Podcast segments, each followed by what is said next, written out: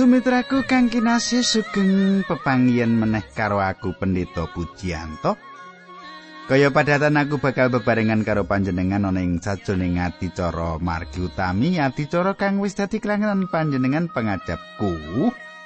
Muga panjenengan tansah kinanti ing Gusti lubering rahayu tinebihna ing sambekala.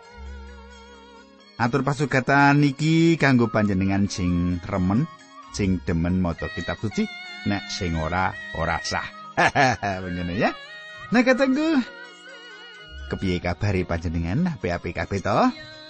Tak dongake mengkono dinepitno ing tulak sari mengkono ya.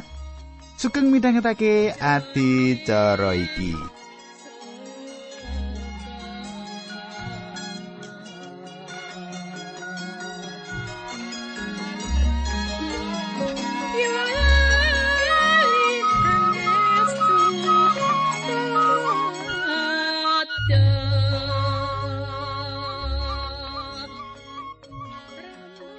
Para pamirsa, tak suwun panjenengan isi kelingan apa sing tak aturake ing patemon kita kepungkur. Kita bisa nyemak Gusti Yesus sing marasake mripate wong sing buta isi kelingan. Malah kita wis padha nyemak panemune tangga teparone bab cibuta iki. Banjur apa maneh sing bakal ditulis dening Yohanes? Nanging tak turungi tak terusake monggo kita ndedonga nyadong berkahi Gusti. Duh Kanjeng Rama ing swarga kawula ngaturaken gunging panuwun menawi wekdal menika kawula saged tetunggilan kalian sedherek kawula ingkang setya tuhu midhangetaken adicara menika. Kawula nyuwun Gusti berkahi, Gusti mitulungi lan Gusti nuntuni ing adicara menika supados sedayanipun kanthi pangandikan menika pikantuk panglipuran lan kegiatan iman. Linambaran asmanipun Gusti kawula Yesus Kristus kawula netunggal haleluya amin.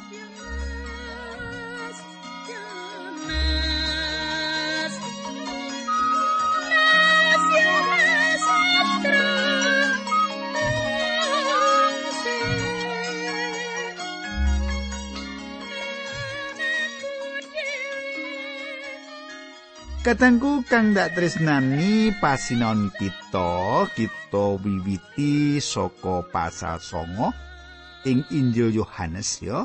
Diwiwiti ayat telulas lan sak banjure mengko. Monggo panjenengan tak dereke saka panemune wong Parisi ngenani si buta. Loro saka wong Parisi. Yohanes 9 ayat telulas lan sak banjuri. Wong-wong nuli nggawa wong sing maune wuta mau marang para wong Farisi. Nalika Gusti Yesus mulet lemah nganggo ketohe lan marasake mripate wong wuta mau. Beneri dina sabat. Ayat 15. Wong Farisi nuli takon meneh marang wong sing maune wuta mau, kepriye patrape nganti bisa ndeleng. Wong mau nuli mangsuli tiang menika ngleletaken blethok wonten ing mripat kula. Kula lajeng raup bibar menika kula saged ningali. Katangku sepisan meneh paseksine wong iki prasaja banget. Miturut pemanggih panjenengan, apa para wong parisiki seneng atine jalaran cibuto iku bisa meleh? Ribut, seneng? Ora. Wong-wong parisiki ora ngerti kudune kepriye penanggape marang wong sing buta saka lair nuli saiki bisa waras. Nuli saiki bisa ndeleng. Ayat 16 ana wong farisi sawetara sing muni mokal yen wong kuwi pinangkane saka Allah. Sebab dheweke nerak pernatan dina sabat. Nanging wong liyane maneh muni mokal yen wong dosa bisa gawe kaeloan kaeloan kaya wong iki. Panemune wong-wong mau beda-beda Kadangku wong-wong Parisi iki kagolong wong sing pinter ing donya iki. Malah miturut sawijining panemu, yen kapinterane wong Parisi iki padha derajate karo para filosof saka Yunani sing misuwur iku. Wong-wong iki unggul yen debat bisa ngrancang dasare pamikir nuli nemtokake panemu yen dasar pamikire bener asile mesti bener. Nanging yen dasare salah panemune uga salah. Iki urutan carane mikir wong-wong Parisi. Secara sembahyangan, kabeh umat Allah iku kudu nyucikake dina sabat. Cara mikir sing miring, Yesus ora nyucikake dina sabat. Yen ngono Yesus dudu saka Allah. Panjenengan pirsa cara pamikir iki ora cocok karo kahanan sak beneri. Dasar pamikire kliru. Mula panemu pungkasane uga kliru. Salah. Yen dasare mikir ngene, mung sing rawuh saka Allah sing bisa ngelikake mripate wong wuta saka lair. Nuli panemune Yesus sing melekake mripate wong sing wuta saka lair, mula Yesus iku saka Allah. Ing gereja kita isih asring ana cara mikir sing kaya pikirane para wong Parisi mau.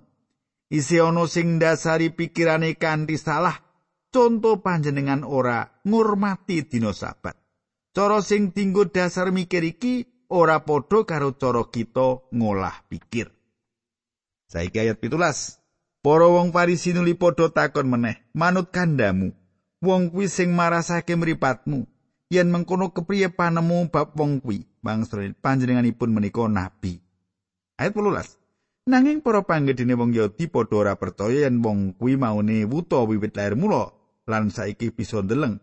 Wong-wong Farisi mau durung gelem percaya yen durung takon dhisik marang wong tuane wong sing maune wuta mau. Kadangku. Kabeh halasane wong parisi mau malah banget mitulungi wong wuta iku kanggo ngerti. Yen wong dosa ora bisa nindakake kaeloan banjur jalaran saka Gusti Yesus nuli si wuta mau bisa melek. Mula Yesus mesti sawijining nabi panjenengane mesti saka Allah. Nanging para wong parisiku tetep ora percaya yen ana wong sing ora percaya sawijine perkara mesti banjur golek alasan kanggo nyingkiri kayekten. Jalaran ora gelem ngerti marang pasuksene wong mau nuli ketemu karo wong tuane nuli panemu sak banjuri saka wong tuane sing nomor telu. Yohanes songo ayat 19 nganti rolikur Para wong Farisi nuli takon marang wong tuani, "Apa bener anakmu iki buta lahir mula? Kepriye dene saiki kok bisa ndeleng?" Wong tuani mangsuli, "Pancen menika anak kula lan pancen wiwit lair mila piyambakipun buta." Nanging bab kados pundi anggenipun samenika saged ningali kula mboten mangertos kula aturi ndangu piyambak sebab larenipun sampun diwasa saged mangsuli piyambak. Ature mengkono mau sebab padha wedi karo para panggedhene wong Yahudi.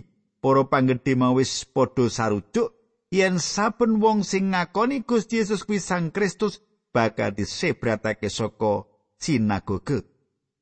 Ya kuwi pasamuane wong-wong sing nganut agama Yahudi. Katengku iki ana rantaman jahat sing nganggo alasan agama. Para pemimpin agama padha ngudi supaya nemokake wong sing bisa didadekke bebanten. Didadekake korban, didadekake kambing hitam. Nek jaman saiki ra ngono, golek kambing hitam. Lan wong tuane si buta mesti wae nyingkiri jawaban sing mestine. Wong-wong Parisi mau ora gelem ndeleng kasunyatan sing wis kelakon. Yaiku wong sing maune wuta wiwit lair banjur bisa melek lan bisa ndeleng wong-wong sing padha nyeksekake kaeloan mau ora tau selak yen kedadian mau bener satunggaling kedadian Katanggu, saya kita terus ke ayat likur. Kuwi sebabe wong tuane, wong sing maune wuta mau muni, piyambakipun sampun dewasa kula aturi ndangu piyambak. Katanggu, wong tuane si wuta iku ngerti yen ana kailoan sing lagi wae kelakon. Nanging wong iki ora siap kanggo njelasake anane kailoan kepriye kedadeane dhewekne ora gelem disebratake kanthi mengkono ora bisa kumpul karo sanak kadang lan iki banget mbebayani tumrap dheweke. Para pemimpin agama mau ora bisa nyelaki yen ana kedadian kailoan sing wis kelakon. Nanging para parisi mau ngudi supaya ora Gusti Yesus sing dipuji-puji jalaran kedadian kaeloan mau Ojo nganti Gusti Yesus sing dipuji-puji awet kaeloan mau Anak sing gawe Gusti Yesus ra Gusti Yesus dipuji-puji Masuk Gusti Yesus sing gawe becik kaya ngono, gawe kaeluan kaya ngono sing dipuji pujian to. gitu. Ini sangat palikur tak terus ya. Wong sing maune wuta mau banjur diundang meneh sarta ditakoni. Kowe ngaku ana ing ngarsane Allah. Yen kowe kondo sak benere sebab aku padha weruh yen wong kuwi wong dosa. Katangku wong Yahudi para parisiku bali meneh ing alasan sing sepisanan wong iku mesti wong dosa jalaran ner angger-anggeri dina sabat. Aja ngagung-agungke Yesus. Puji lan agungake Allah iki pranyatan sing rohani sing seleto Yohanes songat selawe wangsulane bab piyambakipun menika tiyang dosa menapa mboten kula mboten mangertos sak perkawis ingkang kula mangertosi inggih menika kala rumiyin kula wuta sak menika kula saged sumerep. Kadangku nyatane wong iki durung cetha nggone ndeleng Gusti Yesus. Iki wong wuta sing kapindho sing digawa ngadep ing Mahkamah Agama Yahudi. Mesti wae wong mau jengkel ngadepi urut-urutan nggone neter pitakonan. Nanging paseksine iki narik kawikaten kita.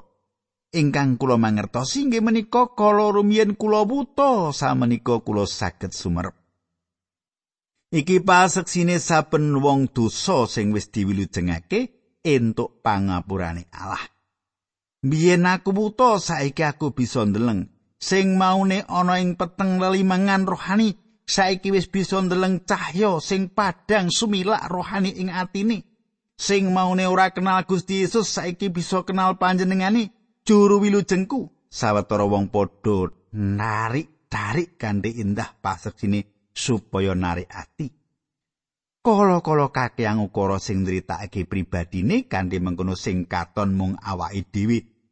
Crita sing biyene Brahma curah tukang minum bisa uga wis tau mateni wong, tilas narapidana, apa tilas pejabat tukang main lan sak panunggalane. Nanging bareng krungu pawartane Injil, banjur mertobat. Banjur wong-wong sing krungu padha nritakake hebate wong mau. ora hebate Gusti Yesus sing wis kawilujengan marang wong dosa hebat iki. Saben paseksi sing apik tansah ana ukara ingkang kula mangertosi inggih menika kala rumiyin kula wuta samenika kula saged sumerep. Tak terusake Yohanes 9 ayat 6 likur. Pitakonane wong-wong Parisi kowe dikapake. kepriye carane wong kuwi marasake kowe kadangku wong-wong parisi banget nggone ora setuju bab warase si wuta ngudi supaya bisa nemokake kesalahan senadan mung setitik sing bisa kanggo dasar nolak kedadian kaeloan sing ditindakake Gusti Yesus. Wong-wong iki ora mung bisa debat wae kaya sing ditindakake para ahli ing jaman iki. Jalaran wong-wong iki isih ana ing kono ing panggonan sing peteng dedet secara rohani beda karo si buta sing saiki wis bisa ndeleng pepadang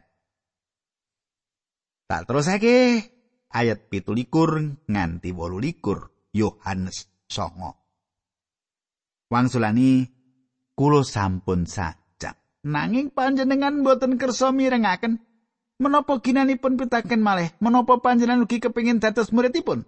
Wong-wong Farisi mau nuli padha nafsu lan muni, "Kowe kuwi murite, aku dudu, aku padha murite Nabi Musa." Katengku, wong wuto sing wis waras iku banjur ngerti apa sing sak benere digoleki dening para pemimpin agama iki. Malah dheweke banjur wani ngucap menapa panjenengan ugi kepingin dados muridipun. Lan gawe kesimpulan yen wis ora perlu takon maneh menapa kinalipun pitaken malih wong-wong parisi ora mung wuta kasuk maneh nanging wong parisi mau pancen ora gelem ngerti. Wong-wong parisi ora mung wuta rohani saengga ora bisa ndeleng pepadang nanging uga budhek rohani. Kanthi mengkono ora bisa nalar apa sing dirungu? Kadangku tak terus ke ayat likur. Bab Nabi Musa kita wis padha ngerti yen Gusti Allah pancen wis ngendika marang panjenengane nanging munggo wong iki aku padha ora ngerti asal usule. Ayat 30 nganti 34. Wang sulani kok aneh temen Panjenengan boten pirsa asal usulipun tiang menika mongko piyambakipun sampun damel mukjizat nyarasaken mripat kula. Kita mangertos bilih Gusti Allah boten miyarsakaken atur panyuwunipun tiang dosa nanging miyarsakaken tiang-tiang ingkang ngurmati panjenenganipun sarta nglampahi kersanipun. Wiwit dumadosipun jagat sepriki dereng nate wonten tiang wuta wiwit lair mila kasarasaken ngantos saged ningali. menawi tiang menika mboten saking Gusti Allah mokal sagedipun nindakaken kaelokan kados makaten Para wong Farisi mau nuli mangsuli kowe kuwi wong kebak dosa sak badan sekujur. Wiwit saka pucuking rambut tekan telapakane sikilmu tur wiwit lair mula la kok arep mulang aku? Wusanane wong mau banjur disebratake saka sinagoge. Katangku para pemimpin agama iki malah sangsaya mantepake cara pamikire wong sing maune wuta dadi sangsaya ngerti yen sing bisa nindakake mukjizat sing bisa nindakake kaelokan iku mung sing asale saka Allah mung sing rawuhi mung sing tekane saka Allah pancen wis dadi kanyatan yen dhewekne waras saka tindak kaelokane Gusti Yesus sing rawuh saka Allah. Wong iki pancen durung tau ngerti sapa iku Gusti Yesus sadurunge prastawa iku. Para pemimpin agama iki babar pisan ora duweni jawaban. Apa maneh menehi keterangan sing bisa maramake? Sepisan maneh para pemimpin agama iki malah sangsaya mantepake cara pamikire wong sing maune wuta dadi sangsaya ngerti yen sing bisa nindakake mukjizat sing bisa nindakake kaeloan iku mung sing rawis saka Allah lan ora tido-tido meneh dhewekne saiki wis waras saka wuta dadi kanyatan sing wis kelakon malah nyahak malah nampik keterangan sing dikandhakake para ahli Taurat mau. Banjur apa sing ditindakake sebanjuri? Wong sing wis waras saka wuta mau ditundung saka pedalemane Allah. Diusir. Panyibrat marang wong iku ndadekake dheweke kepencil kaya kahanane wong sing kena lara kusta utawa lepra. Dewene bakal kepencil saka kegiatan agama lan kegiatan ing tengah masyarakat banjur kepriye sak banjuri. Angka papat wong sing mone buta kepanggih Gusti Yesus. Yohanes 9 ayat 35 nganti 38. Gusti Yesus mitangetake yen wong sing maune wuta kuwi disebratake saka sinagoge bareng ketemu karo wong mau Gusti Yesus nuli ngendika apa kowe percaya marang putrane menungso? Wong mau mangsuli putrane menungso menika sinten guru? Kula aturi ngendikaken sepatus kula saged pitados dhateng panjenenganipun. Pangandikane Gusti Yesus kowe wis ndeleng panjenengani ya kuwi sing saiki lagi ngendikan karo kowe. Aturi wong mau kula pitados Gusti banjur sujud ing ngarsane. Katengku Gusti Yesus rawuh meneh wong iku banget enggone mbela marang Gusti Yesus lan malah menang gone debat karo wong-wong Parisi sing wusanane dhewekne disebratake. Nuli Gusti Yesus rawuh manggi wong mau. Gandeng gone Gusti Yesus nyametakake imane wong iku mula iman sing wiwit wis thukul ing uripe kudu dipasrahake sawutuwe marang Gusti Yesus putrane Allah. Pengalaman wong iku lumantar kabeh prastawa ing kang tak aturake wis banget dening nguatake iman kapiandelani lan beningake pikirane. Gusti pirsa yen dheweke wis siap kanggo jumangkah kang pungkasan. Wong iku sabanjure dadi tinar buka jujur lan tulus. Dheweke nyuwun marang putrane Allah supaya dheweke uga bisa dadi percaya. Dheweke pengen banget wanuh Gusti Yesus secara pribadi lan Gusti Yesus maringi tanggapan kang banget indah. wong iku sebanjure percaya marang panjenengani lan manembah marang panjenengani yo iki kang jenenge iman kang paling indah kang bisa kita temokake ana ing sajroning pangandikane Allah pengalamane wong sing maune wuta iki sang saya ngandelake iman kapitayani Gusti Yesus nganti wong mau sejangkah mboko sejangkah nganti tekaning ngarsane lan wong mau bisa matur kula pitados Gusti nuli sujud ing ngarsane. Saben wong dosa sing meratobat jangkae kaya kahanane tilase wong wuta iki kita wong dosa iki kahanane bisa uga luwih peteng ketimbang wong mau lan ora krasa yen lagi kesasar nuli ketriwa Sak banjure kita sowan marang Sang Kristus, panjenengane mratelakake sarirane marang kita. Mripat kita dibuka lan kita nyawang sapa sejatine panjenengane lan apa kang wis ditindakake kanggo kita. Sebanjure pitakonane ya kuwi apa kowe percaya? Kabeh wong dosa duwe wewengan kanggo jawab Gusti kula pitados. lan sebanjure kita kabeh bakal sujud ing ngarsane lan manembah panjenengane. Gusti Yesus nuli ngendika ayat 39 tekaku ing jagat iki supaya ngadili supaya wong buta bisa ndeleng lan wong sing ndeleng dadi wuta. Katengku iki pranyatan sing aneh. Gusti ngendika sing buta dadi melek sing melek malah bisa dadi wuta. mripate buka nanging mripat atine petenging karohanen. Yen kita wuta becik suwan kanthi ngakoni yen kita iki wuta ing ngarsane Gusti Yesus. Mesti Gusti bakal nulungi kita dadi melek lan bisa ndeleng kahanan kiwa tengen kita. Yen panjenengan wis suwan ing ngarsane Gusti pepadangi jagat iki lan percaya panjenengan bakal melek. Nanging yen ora panjenengan isih tetep ana ing pepetenging jagat iki. Pepadang iku sing bisa nyatakake yen wuta. Gusti Yesus ngendika ing Matius 6 ayat 23 nanging yen mripatmu cacat badanmu sekujur ya dadi peteng. Dadi yen lampu sing ana ing badanmu kuwi dadi peteng mindah kaya petengi. Kadangku senajan panjenengan wis pirsa lan ngerti sapa to Gusti Yesus yen panjenengan nindakake urip kanthi ora percaya Panjenengan isih ana pepeteng sakliyane pepadang iki kanggo sing isih ana pangunan peteng ora ana meneh. Yohanes 9 ayat 40 nganti 41. Ing kono ana wong Farisi sawetara sing padha krungu pangandikane Gusti Yesus mau, wong-wong mau padha muni menapa panjenengan nginten kula inggih sami wuta. Gusti Yesus ngendika menawa kowe buta kowe ora dosa nanging sarene kowe kandha aku weruh mula kowe tetep dosa. Katengku Ing kene kita bisa ndeleng para pemimpin agama Yahudi iki ana ing sakjroning pepeteng sing gegirisi nanging rumangsa ora buta. Wong-wong Paris iki padha nulak Gusti Yesus jalaran isih padha ana dosane. Semene dhisik aturku muga panjenengan kaberkahan monggo kita tutup kanthi pandonga. Duh Gusti, kawula matur nuwun sanget. Kawula saged midhangetaken sabtu pangandikan paduka.